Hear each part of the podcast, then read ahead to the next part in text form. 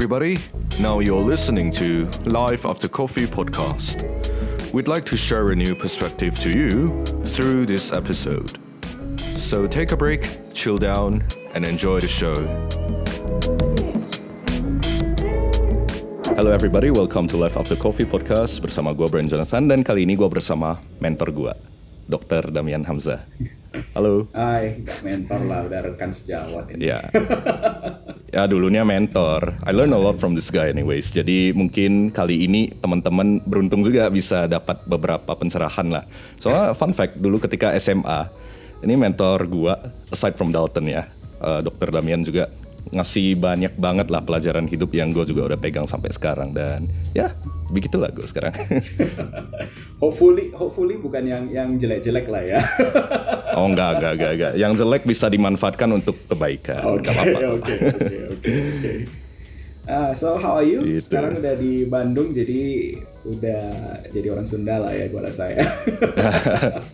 udah lebih slow gitu everyday chill di Bandung tuh yeah well I see your stories and everything kayaknya Bandung is a very chill place actually I was supposed Indeed. to go to Bandung last last two years untuk seminar sih tapi gara-gara covid nggak hmm. jadi juga jadinya online Iya, yeah. yeah, because of COVID everything kacau lah jadinya. Yeah, change a lot yeah. of things basically dari prinsip hidup, dari cara kita hidup, cara kita interaksi, cara kita berteman, basically, hmm. ya yeah, a lot of things is shaped because of COVID lah. Ya, kacau lah. Dan khususnya gara-gara COVID, dokter ngomel tiap hari. Something is wrong about about keadaan sekarang gitu. Apalagi banyak kebijakan yang aneh gitu, yang mungkin come on man, ini belum tentu bisa efektif, mungkin bakal jadi masalah baru itu so eh, kebetulan dokter Damian ini sekarang jadi tenaga medis gitu oh ya pasti tenaga medis namanya ya.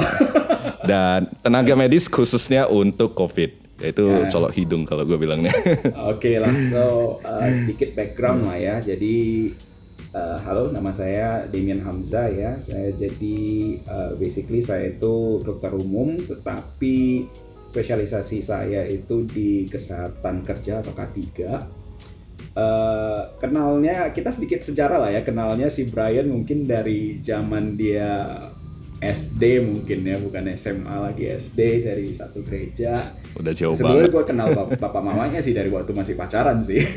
so you can see the age gap lah ya. Wah itu mah udah jauh banget lah. yeah. So ya dari sana, so gimana gue bisa kenal Brian lebih dekat ya basically saya sempat jadi guru ya di uh, Methodist Charles Wesley ya itu sedikit dari uh, pelayanan kembalilah ke alma mater hmm. Methodist karena saya juga alumni Methodist dari TK, SD, SMP, SMA sampai universitas hmm. ya.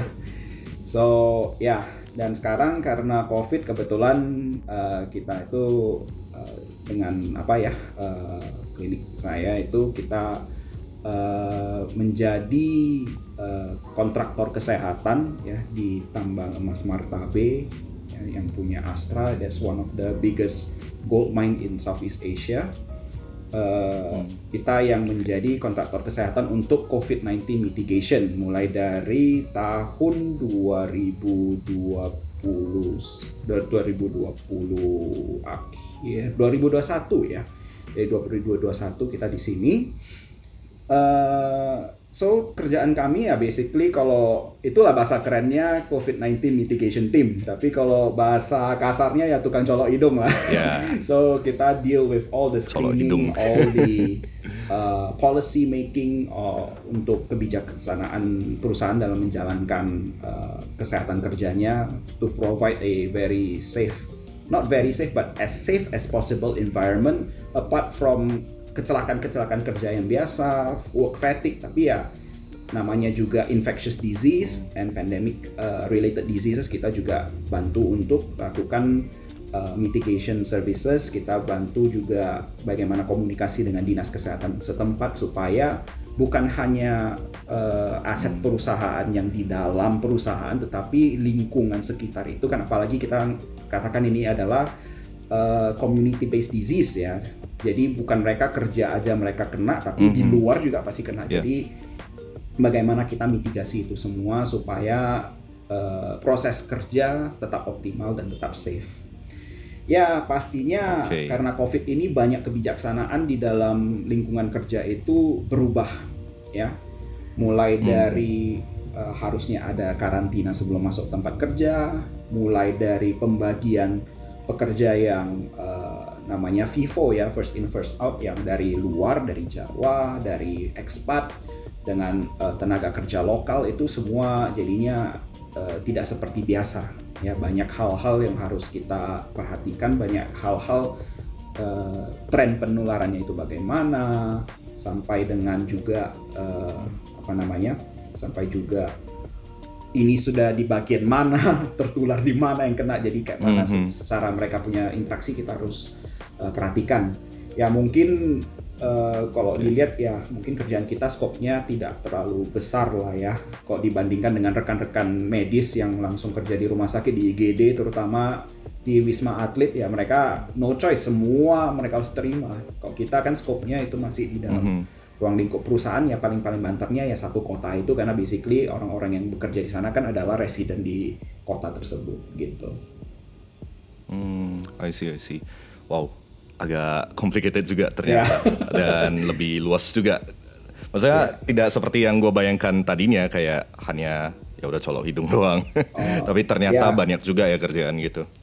Ya, ya kalau mm, seperti itu ya mungkin yang dari uh, Brian ya mikir itu mungkin ya klinik yang provide with swab services tapi tetap yeah. aja itu adalah pekerjaan yang very high risk ya. Makanya uh, yeah, yeah, ya apresiasi lah untuk semua tenaga medis basically mau apa pun pekerjaan mereka di mana pun mereka ya basically uh, we are dealing with especially masyarakat yang tidak aware tidak mau tahu membahayakan semua orang basically.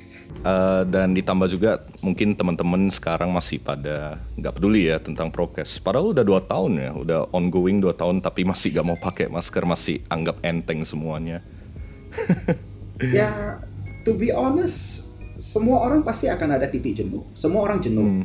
including me ya. Gue juga uh, ada beberapa uh, kejadian di mana ya also very burnout hmm. karena uh, kita kerjanya itu mulai dari jam 4 pagi udah harus oh. bangun, jam 6 udah harus standby. Kadang kerja kita juga kita telusuri, kita sisir semua, kita screening semua itu satu perusahaan itu kita bisa end up at around 8 9 o'clock at night. And it's almost every single day kita lakukan seperti itu karena kita juga harus ensure safety-nya gimana. Kita harus ensure bahwasanya tidak ada risk untuk infection orang yang tidak bersih. Ya pasti ya capek hmm. sih. Uh, not including kalian ya saya juga kalau disuruh pakai masker ke mana-mana tiap hari juga aja juga capek juga ya sih sebenarnya. Saya juga pernah naik gunung pakai masker N95 So semua orang pasti akan jenuh pada waktunya pasti akan jenuh. But the thing is that uh, jenuh boleh jenuh tapi kita harus mikirkan orang lain mm -hmm. ya. Yang saya lihat sebenarnya uh, banyak kawan-kawan itu in the end mereka mengambil suatu self justification whereas oh kan gua gua kena hari itu dan malahan sekarang trennya itu dengan omikron banyak orang berlomba-lomba posting gua oh gua S1, S2, S3.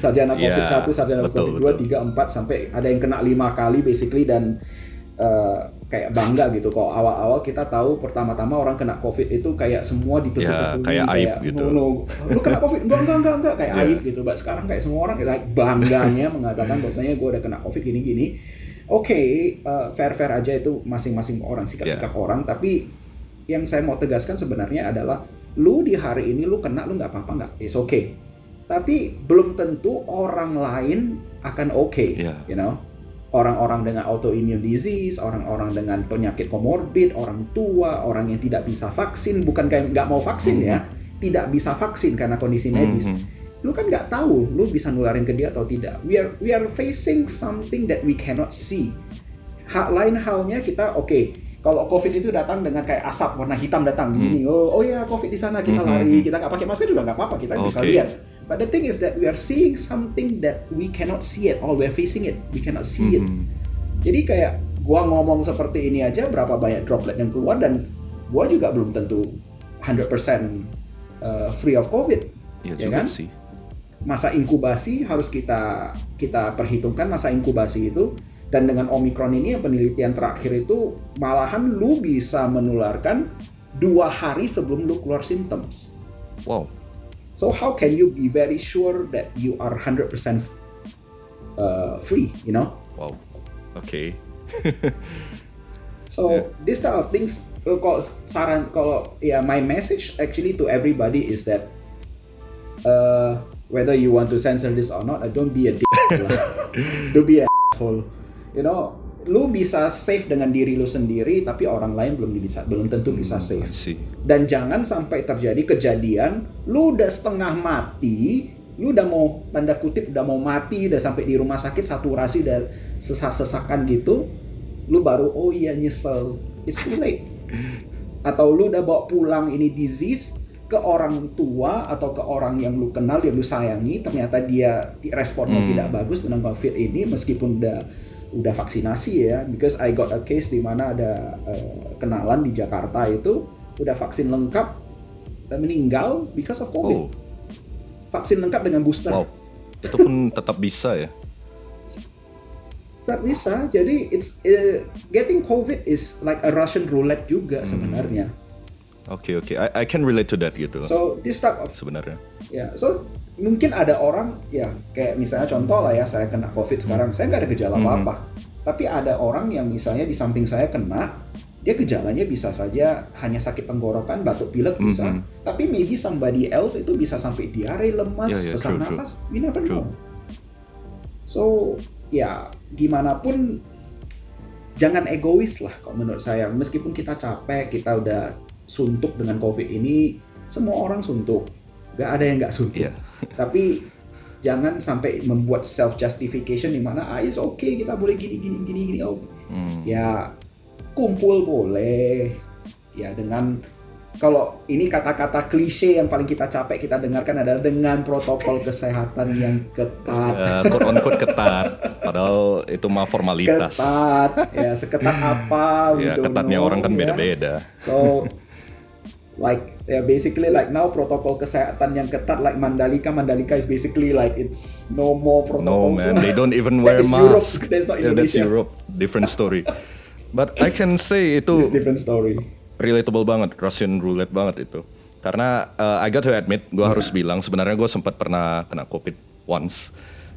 Uh, Like few few weeks ago, beberapa bulan yang lalu, mungkin uh, rekaman ini keluar mungkin udah sebulan, berapa bulan yang lalu lah.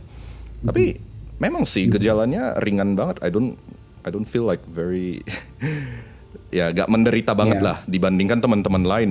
Apalagi ini Omicron like uh, satu-satu dari temen gue kena semua gitu loh. Tapi ada yang parah banget gitu. Like for for you, this is a very real example that has uh, that is happening now in my place ya. Semalam kita baru ada sekitar empat orang masuk positif, tidak ada gejala sama sekali. Within 24 hours this morning salah satu udah diare tiga kali, sakit tenggorokan, batuk berdahak nggak bisa berhenti. Waduh. Random So, banget sih gitu. What what should I say? This is very Yeah, random, yeah, you know. Oke oke. Nah tapi intinya jangan egois lah ya. Eh, masih harus sadar kalau emang ini masih ada dan please pakai masker lah gitu Masih dan ada. jaga diri lah. So uh, satu Hmm. lagi, satu lagi saya mungkin bisa tambahkan ya, karena mungkin Indonesia juga sangat terkenal dengan premature democracy, sama juga jangan premature premature euforia tentang endemik dan sebagainya, ya. Dan yang saya lihat malahan trennya adalah eh, karena sudah dilonggarkan, sementa- se- sebenarnya satu sisi eh, pemerintah meluk ya we have to give credit lah on how it is pemerintah juga berusaha untuk menormalkan kembali masyarakat meskipun ter ter, ter eh, apalah dengan isu-isu yang lain juga ya kita harus give credit juga bagaimana pemerintah mencoba untuk uh, to get things back as into normal as fast as possible Mhm. But ya itulah namanya orang Indonesia semua aji mumpung. Oh, udah longgar seperti ini ya semua like curi start, semua like udah begini ya positif ya kan pernah lihat di berita juga kan positif juga naik naik pesawat. Langsung. So it's Langsung kind of kacau. it's, it's kind of it's kind of sickening in, in, in, a, in a way ya. Hmm.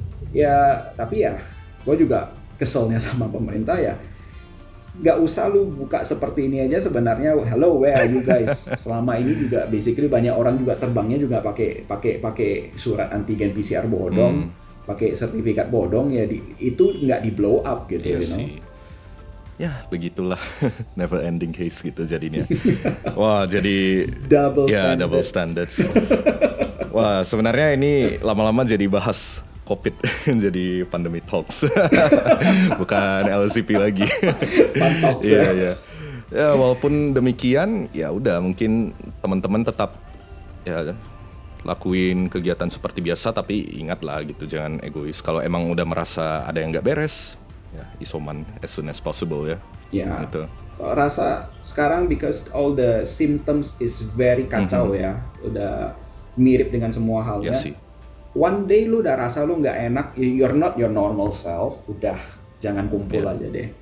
Kalau memang lu harus pergi kerja lu harus dengan apa pun masker pakai yang dengan benar. Itu itu sudah terbukti sekali. Mhm. masker pakai dengan benar masker jangan ada yang bocor pakai yang eh, standar yang baik ya. KF94 KN95 N95 malahan sekarang sudah tidak disarankan sekali ya pakai masker medis ataupun masker kain lagi. Mhm. semua masker yang semua seperti itu tidak ada bocor seal dengan bagus.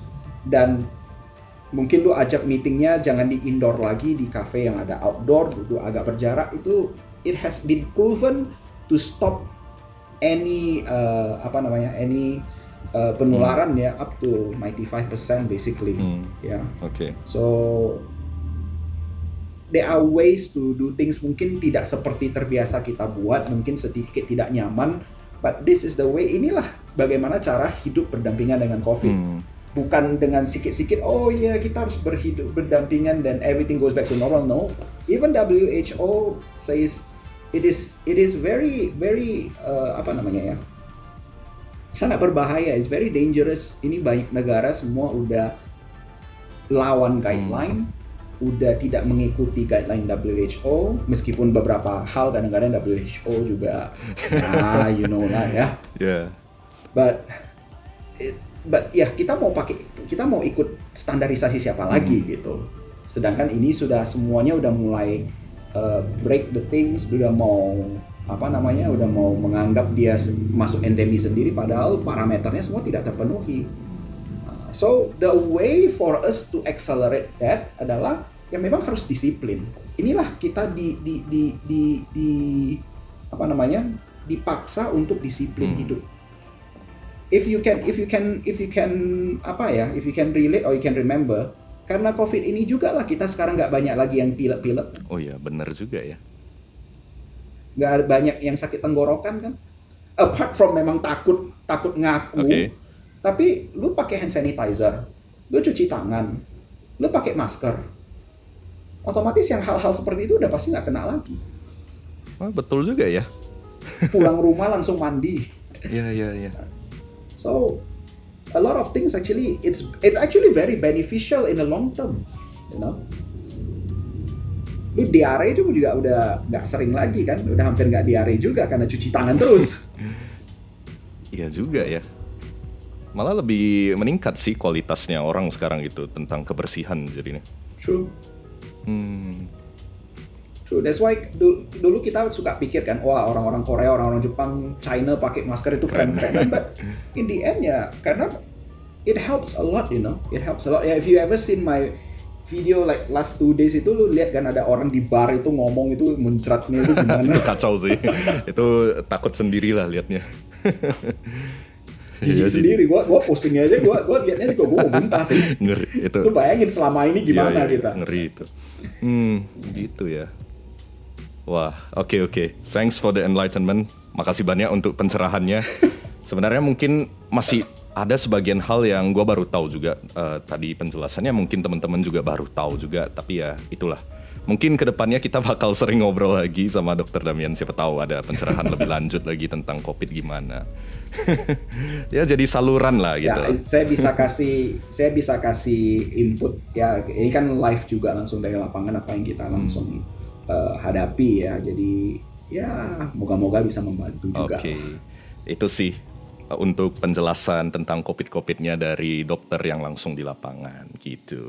Nah sebenarnya yang pengen gue bahas juga kemudian itu tentang background yang tadi tadi uh, Damian sempat kasih tahu yaitu udah kenal gue dari dulu gitu. Mungkin teman-teman juga kaget ya ini kok kenal gue dari kecil gitu.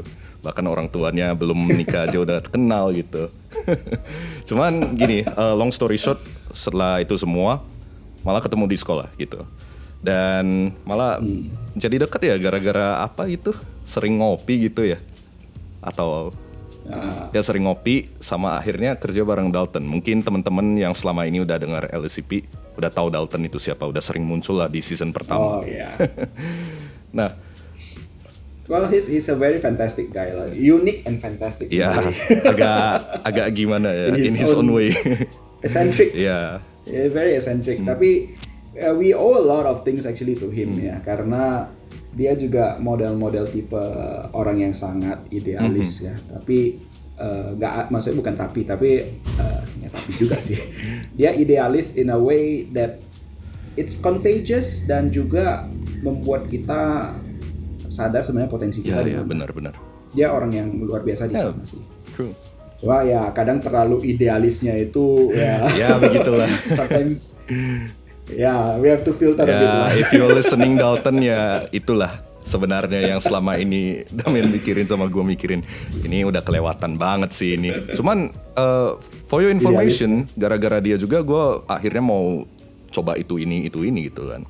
Dan oh ya ya ya, because kita harus kalau terlalu banyak orang-orang seperti kita, ya you and me in a way hmm. ya kayak kita terlalu banyak perhitungan kita nggak iya, jalan-jalan ya, sih karena terlalu banyak kita harus mikirin makanya kita gue bisa ngurusin mitigasi ya karena kita banyak mikir ya, gitu loh. itu emang tapi kerjaan. kalau kita terlalu banyak mikir di belakang no action nggak seperti orang kayak dia yang banyak actionnya yang harus action action and action ya nggak akan hmm. jalan.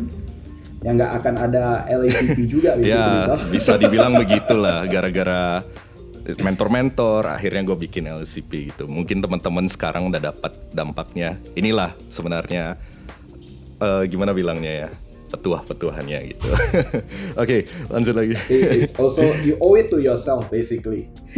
Kita cuma bisa kasih saran, tapi kalau lu nggak kerjain ya juga nggak Betul, keluar. betul. Betul itu. Jadi walaupun kita udah ngasih pencerahan itu ini, tapi ya balik lagi action kalian sekarang tuh. Itu. Nah, talking about Dalton selama, uh, selama kita kerja bareng juga itu a lot of things, a lot of projects gitu ya dan learn a lot of things juga gitu selama prosesnya memang banyak up and down sih. Apalagi pernah ada cerita ya yang studio Dalton kena rampok dan kita pakai barang oh. yang sangat basic banget gitu untuk rekaman itu kayak gua gak habis uh. mikir kok bisa gitu ya. Tapi ya itulah perjalanan hidup ya dan gua rasa sih memang uh, segala sesuatu yang kita lewati di hidup ini pasti akan ada faedahnya di kemudian hari whether it's positive or it's negative itu semua pasti akan ada efek ke depannya. Tinggal kita pandai-pandainya kita analisa, kita lihat mana yang bisa kita pakai untuk pekerjaan kita sekarang. Hmm. Ya sekarang seperti uh, dulu ya di IT project ya project managing things ya sampai sekarang ya pasti terpakai. Hmm, kepake banget. Ya karena kita bagaimana kita atur orang, gimana kita ngaturin uh, pekerjaan kayak mana kita ngaturin schedule dan sebagainya itu pasti semua terpakai mungkin seperti lo ya editing skills uh, managerial mm -hmm. skills uh, mungkin juga uh, multimedia skills itu semua pasti terpakai kalau dulu nggak ada project seperti ini ya mungkin kita juga nggak ada urgensi untuk belajar untuk melakukan sesuatu yang baru mm. nggak tahu kita sebenarnya oh ada potensi ternyata di sini oh ternyata koneksinya berguna di sini oh ternyata cara kayak mana ketemu orang ngomong sama orang seperti mm -hmm. ini ya itu ya itu hal-hal yang you don't learn in school every ya, day lah, you know. Sebenarnya ya. Oke okay, oke. Okay. Ya emang banyak hal ya yang memang nggak dipelajarin di sekolah, tapi beruntungnya selama SMA gue habisin waktu untuk ini. Mungkin teman-teman pada bingung, ini gue SMA sebenarnya ngapain sih? Kayak gak jelas bikin proyek itu ini gitu. Kalau teman-teman SMA kan biasa habis sekolah les, kalau gak les nongkrong.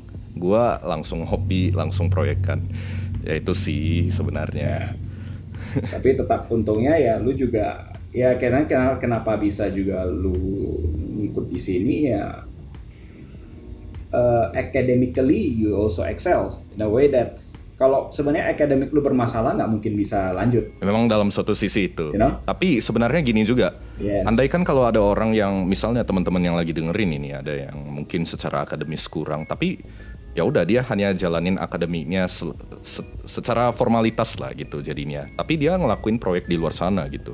Like what do you think about that gitu? Um, ini this is also a very interesting topic ya, di mana saya rasa hari itu saya juga dengar si Tristan ya ngomong tentang hal yang Yes. seperti ini. Uh, back again ya, uh, believe it or not, sebelum kita bisa melakukan sesuatu yang kita suka, kita harus melakukan sesuatu yang kita tidak suka, Hmm. like it or not. Karena pasti semua hal itu ada take and give. Oke. Like for example, uh, I'm not saying that uh, what Tristan did is not right, tapi he has a very very good focus. Hmm. Dia tahu bullseye dia mau ngapain. Itu jarang dapat. Malahan orang uh, umur-umur SMA mungkin ya, lu mau ngapain? Nggak tahu teman. lu mau kuliah apa ikut teman? Yeah, know, yeah, yeah, that- yeah. that- that's the most uh, a lot of things that actually uh, yang terjadi ya. Gak usah itu juga gua waktu SMA juga sebenarnya dari SMP sebenarnya udah mau ngambil business management itu Mhm. dulu, international business and management. Tapi in the end I turn out in medicine. Banting setir banget sih. But okay, that maybe that that that that is going that's going to be a, Yeah. another story lah itu panjang Episode banget. berikutnya Tapi itu. in order to do what you Okay. like, you have to sometimes berkorban untuk melakukan hal yang lu nggak mau. Kayak contohnya gini lah, kayak lu mau lakukan sesuatu. I'm not saying that you harus jadi akademis yang nomor satu, Hmm. enggak. But at least selesaikan apa yang sudah dimulai. Jangan anggap remeh, jangan masa Hmm. bodoh. Karena like it or not, semua yang akan yang ada lu pelajari itu sedikit banyaknya pasti akan berguna. Oke. Oke, let's let's maybe let's say uh, integral sin kostan maybe ya tidak akan guna lah ya. Gue juga end udah juga lupa nggak sekarang. hal-hal demikian. but but we have to think about cara pikirnya itu, logic thinkingnya Hmm. itu. Mungkin kita suruh kerjain sin kostan integral sekarang gue juga basically gue juga nggak akan tahu. Mhm. Tapi waktu itu kita harus pikirkannya adalah waktu kita disuruh kerjakan itu, yang dilatih kan sebenarnya kita punya logical thinking. Hmm. And waktu lu masuk ke dunia kerja, lu masuk ke dunia kuliah, itu kan juga logical thinking lu harus harus ada. Benar ya. Ya maybe like seperti kasus ada kasus lah maybe ya eh, kasus law maybe ya maybe which I also don't Hmm. know about law, but because you have that logical thinking atau mungkin lu juga mungkin lu memang orang yang logic tapi lu gak suka arts tapi lu dipaksa harus buat art tapi kan di sana kan dilatih juga satu hal creativity lu kayak mana secara kreatif meng- meng- meng- meng- menyelesaikan masalah ini kasus ini Oh, oke. you know so those type of things it is it i won't say it's not important at all Oke. but it has to have a balance Mhm. Betul betul. dan semua hal itu pasti yang lu lewati hal-hal itu mau itu pengalaman hidup mau itu sekolah mau itu relationship in the end it shapes you on how you are today Hmm. How you deal with people itu semua kan semua dari pembelajaran masa lalu gitu. Hmm. like maybe hari ini lu dapat proyek. Lu lu gagal loh proyek itu. Pasti kan lu analisa dulu kenapa gue gagal sama proyek ini? Kenapa gue ketemu orang ini nggak dia gue nggak bisa masuk ke orang itu? Atau kenapa orang itu nggak mau ketemu gue Hmm. Nah, kayak maybe kita pernah discuss dulu don't judge a book from its cover. Ya it's a it's a it's a it's a, it's a very good uh, proverb. Ya.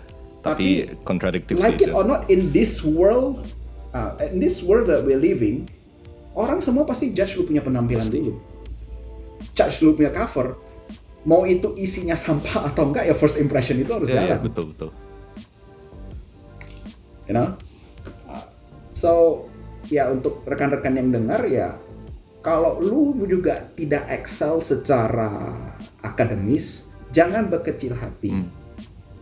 It's not the end of the world. Yang count itu adalah lu punya usaha. Hmm. lu mau berusaha nggak? Nah, hasilnya bisa 100 hasilnya bisa 70 hasilnya bisa 90 yang penting lu ada usaha. Daripada orang yang dari awal semuanya itu like I don't care no this is not my thing no gue nggak mau pegang gue maunya ini aja. Ya kalau lu bener-bener bisa 100% di sana then you can you can confirm you can do that oke tapi kalau enggak I don't think it's it's wise to do that way. Oke oke. Pada intinya selalu jalanin dulu ya tanggung jawab yang paling penting gitu. Memang kita ada beberapa hal yang nggak suka lah, misalnya dari sekolah gitu atau Mhm. kuliah kita nggak suka beberapa matkul atau ma- mata pelajaran. Tapi ya emang udah namanya tanggung jawab, ya we have to do our best. Ya. Tapi kita juga harus sadar we gitu. it. Ada Yeah. hal-hal di luar sana yang mungkin lebih cocok sama kita. Kita harus seimbangkan semuanya gitu. Gitu. Oh ya, that's Hmm. for sure. So ya balik lagi, kenapa lu bisa? There's nothing that 100% semua lu pasti bisa akan suka nggak akan mungkin. mungkin. pasti ada hal-hal yang lu tidak suka. Yeah. Like for example, me, I'm here, ya. Okay, maybe I'm doing my work, I'm staying in a quite a, a- quite a good place. Tapi ya, gue jauh, resikonya gue jauh dari orang rumah, gue jauh dari Hmm. teman-teman, gue sendiri di sini Mhm. gitu. Ya, apakah itu enak? Ya, if you can make the best of it, ya you go through it. Tapi ya, if you cannot, ya kan semua orang jadinya semuanya nggak bisa Betul, gitu. betul. Hmm, I see, I see.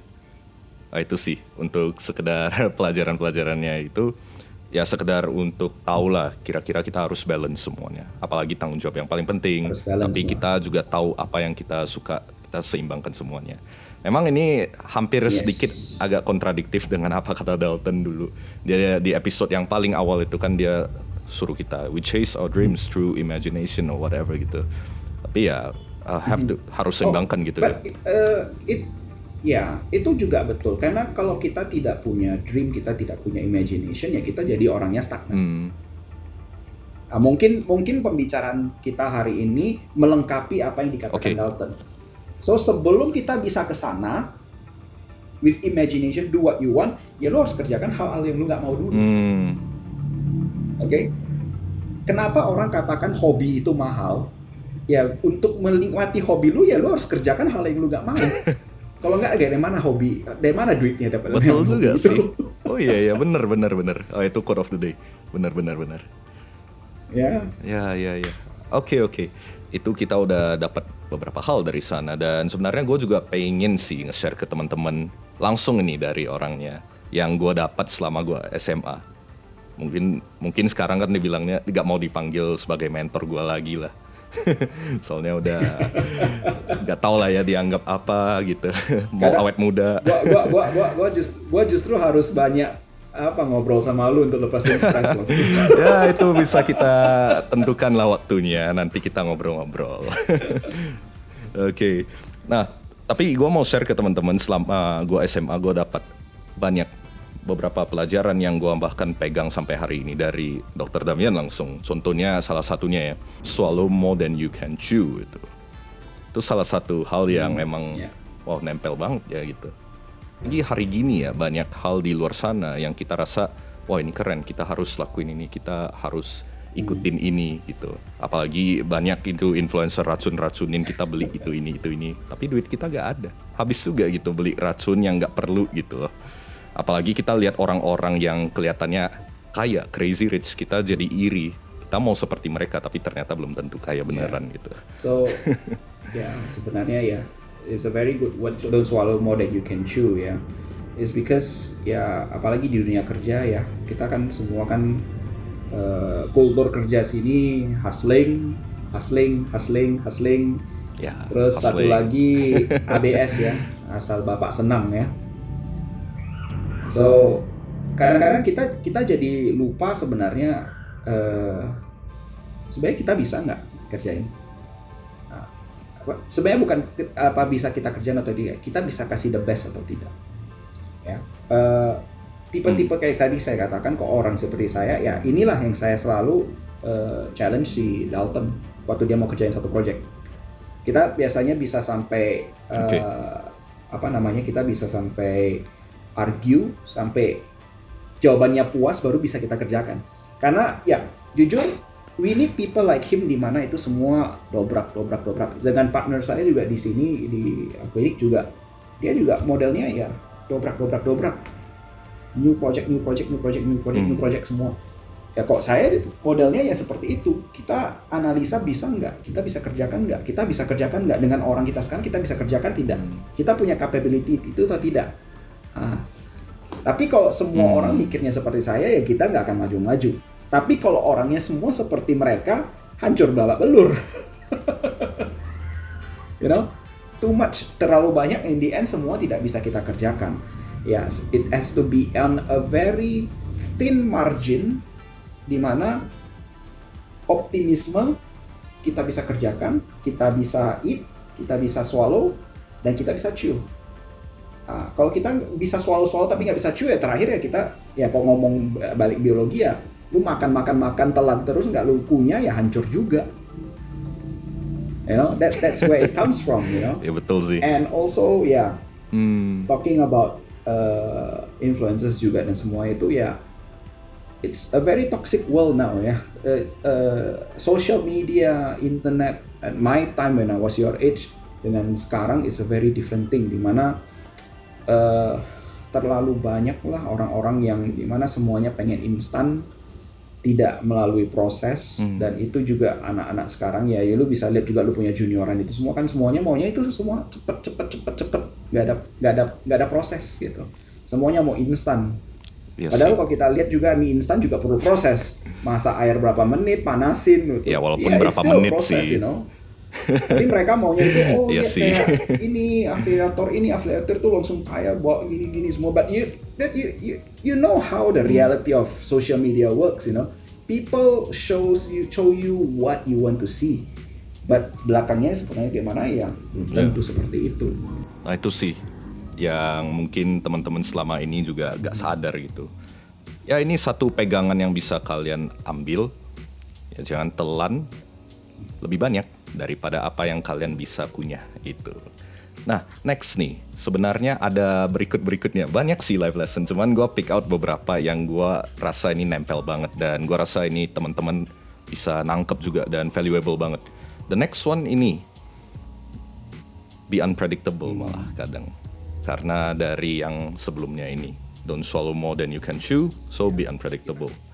nggak mau dijengkal. Kita nggak mau dijengkal orang, ya. So kita boleh. Eh, this is actually business strategy juga ya. Kita we don't we don't reveal all our Okay. cards out to people. Tapi ya pada saat orang katakan bisa nggak gitu? Kita bisa gitu. Uh, that's why Hmm. uh, for me basically branded things are the things of the past lah. Kita juga pasti ada masa-masa di mana kita semua pengen uh, hal-hal branded, hal-hal yang mewah. Tapi in the end Mhm. uh, lebih bagus jadi orang yang low key, ya. Tapi orang juga nggak tahu sebenarnya capability kita sampai di mana. Tapi waktu ternyata, oh dia dia ternyata seperti itu ya. Oh ternyata dia kenal itu ya. Orang mau nilai kita di Hmm. bracket mana juga nggak bisa tahu. Jadi kita jadi orang-orang yang sangat unpredictable. Orang juga nggak bisa pada saat mereka mau challenge kita di dalam dunia bisnis juga orang juga nggak tahu kapabilitas kita di mana. Gitu. Bisa saja di Hmm. atas dia, bisa saja di bawah dia. Yang penting dia takut duluan. Nah, jadi ya Betul, betul. dikatakan ya seperti salah satu lah yang barusan kejadian itu. Ya I think Brian juga kenal ya orangnya pernah rekaman di tempat kita juga. He was actually a very nice person ya.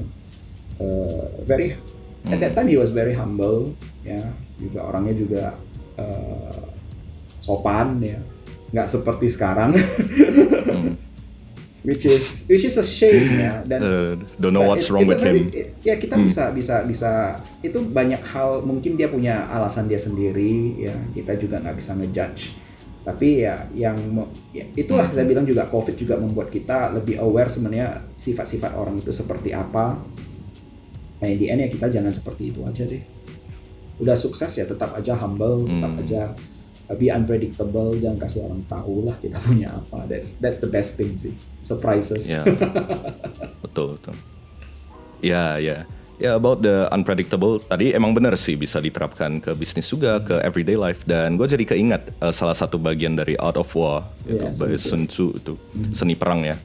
Ketika lu kuat terlihat lemah, tapi ketika lu kuat. lemah ya terlihat kuat sebenarnya. Itu salah satu bagian ya relate juga ke sana. Dan yang terakhir nih sebenarnya lesson yang gue bahkan pegang sampai sekarang dan I can proudly say I do well gitu at last gitu. Ini ada kaitannya juga sama yang tadi-tadi yang kita bahas kita harus jalanin tanggung jawab kita dulu. Yaitu ya jangan anggap remeh lah sama akademik. Mungkin bagi beberapa teman kayak aku rasanya aku kuliah ya udah sekedar kuliah untuk ambil gelar, tapi you never know. Itu modal Oh, iya. lo untuk ke depannya gitu. Bahkan misalnya IPK atau prestasi lu atau kegiatan lu selama kuliah apa itu modal Ya, untuk itu ke depan. semua snowballing effect ya. Eh, ya itu juga saya katakan ke Brian ya dulu sering-sering don't make the same mistake that I did. Karena gue juga dulu pikirnya ya kuliah yang penting lulus ya, lulus lulus lulus. Tapi terakhir ya kalang kabut sendiri, ibaratnya ya panik sendiri. Yuk, ternyata harus ada minimum skor supaya bisa lanjut studi. Hmm, Oh, baru ada bisa ini itu wah. Dan terakhir ya saya juga katakan ke Brian, ya lu bisa kejar lu kejar. Apalagi lu udah ngambil jurusan yang lu suka ya do as as as good as possible. Dan ter- dan terakhir pada saat lu lakukan hal tersebut, ya bagi lu juga nggak ada ruginya. Ilmu lu dapat, koneksi lu pasti dapat juga. Betul sih. Apalagi di kuliah toh, koneksi itu penting Iya iya iya. Sebenarnya kita di kuliah itu bukan hanya untuk ilmu. Ilmu is one more thing the, the the other thing that di kuliah itu yang di mana gua nggak dapat dulu ya karena gua nggak nggak nggak nggak pernah diajari hal, hal seperti itu dan dulu kuliah itu ya sekedar ya namanya apa kupu-kupu ya. Kuliah pulang. kupu-kupu kuliah pulang kuliah pulang Yeah. gitu ya. Gue tipenya seperti itu dan I'm glad you didn't do that. Ya lu kenal orang lu kenal koneksi lu kan apalagi lu di kota kota perantauan ya. Ini koneksi-koneksi ini akan terakhir lu build up Hmm, inilah aset lu ke depan gitu dan mau gimana pun nanti setelah dari ini di kuliah adalah IPK nanti di dunia kerja ya resume. Hmm, Ah, dan resume itu sangat-sangat penting di mana ya saya juga rasain sendiri di mana saya mau kontak orang di LinkedIn untuk hal-hal yang penting orang pasti lihat dulu profil lu gimana lu kerja di mana lu siapa gitu oh iya betul Eh, betul. pada dasarnya kalau lo tidak melakukan hal-hal yang bagus, lo gimana mau dibalas sama sama orang yang lebih penting gitu.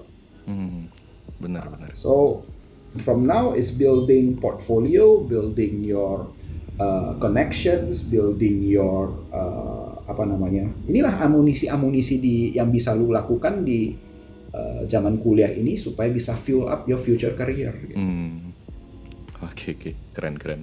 mau itu di arah korporat, mau di arah entrepreneurship itu pasti berguna. Karena in the end lu ketemu bos, bos juga mau tahu lu udah kerjakan apa. Hmm, Lu itu siapa? ya benar. Meskipun orang bilang itu IPK nggak guna, HRD pasti tetap akan lihat itu IPK. Lu di sana ada lihat orang yang dengan dengan dengan dengan uh, this degree, this degree, this degree, dengan orang yang tidak ada degree pasti ditanya yang ada degree duluan.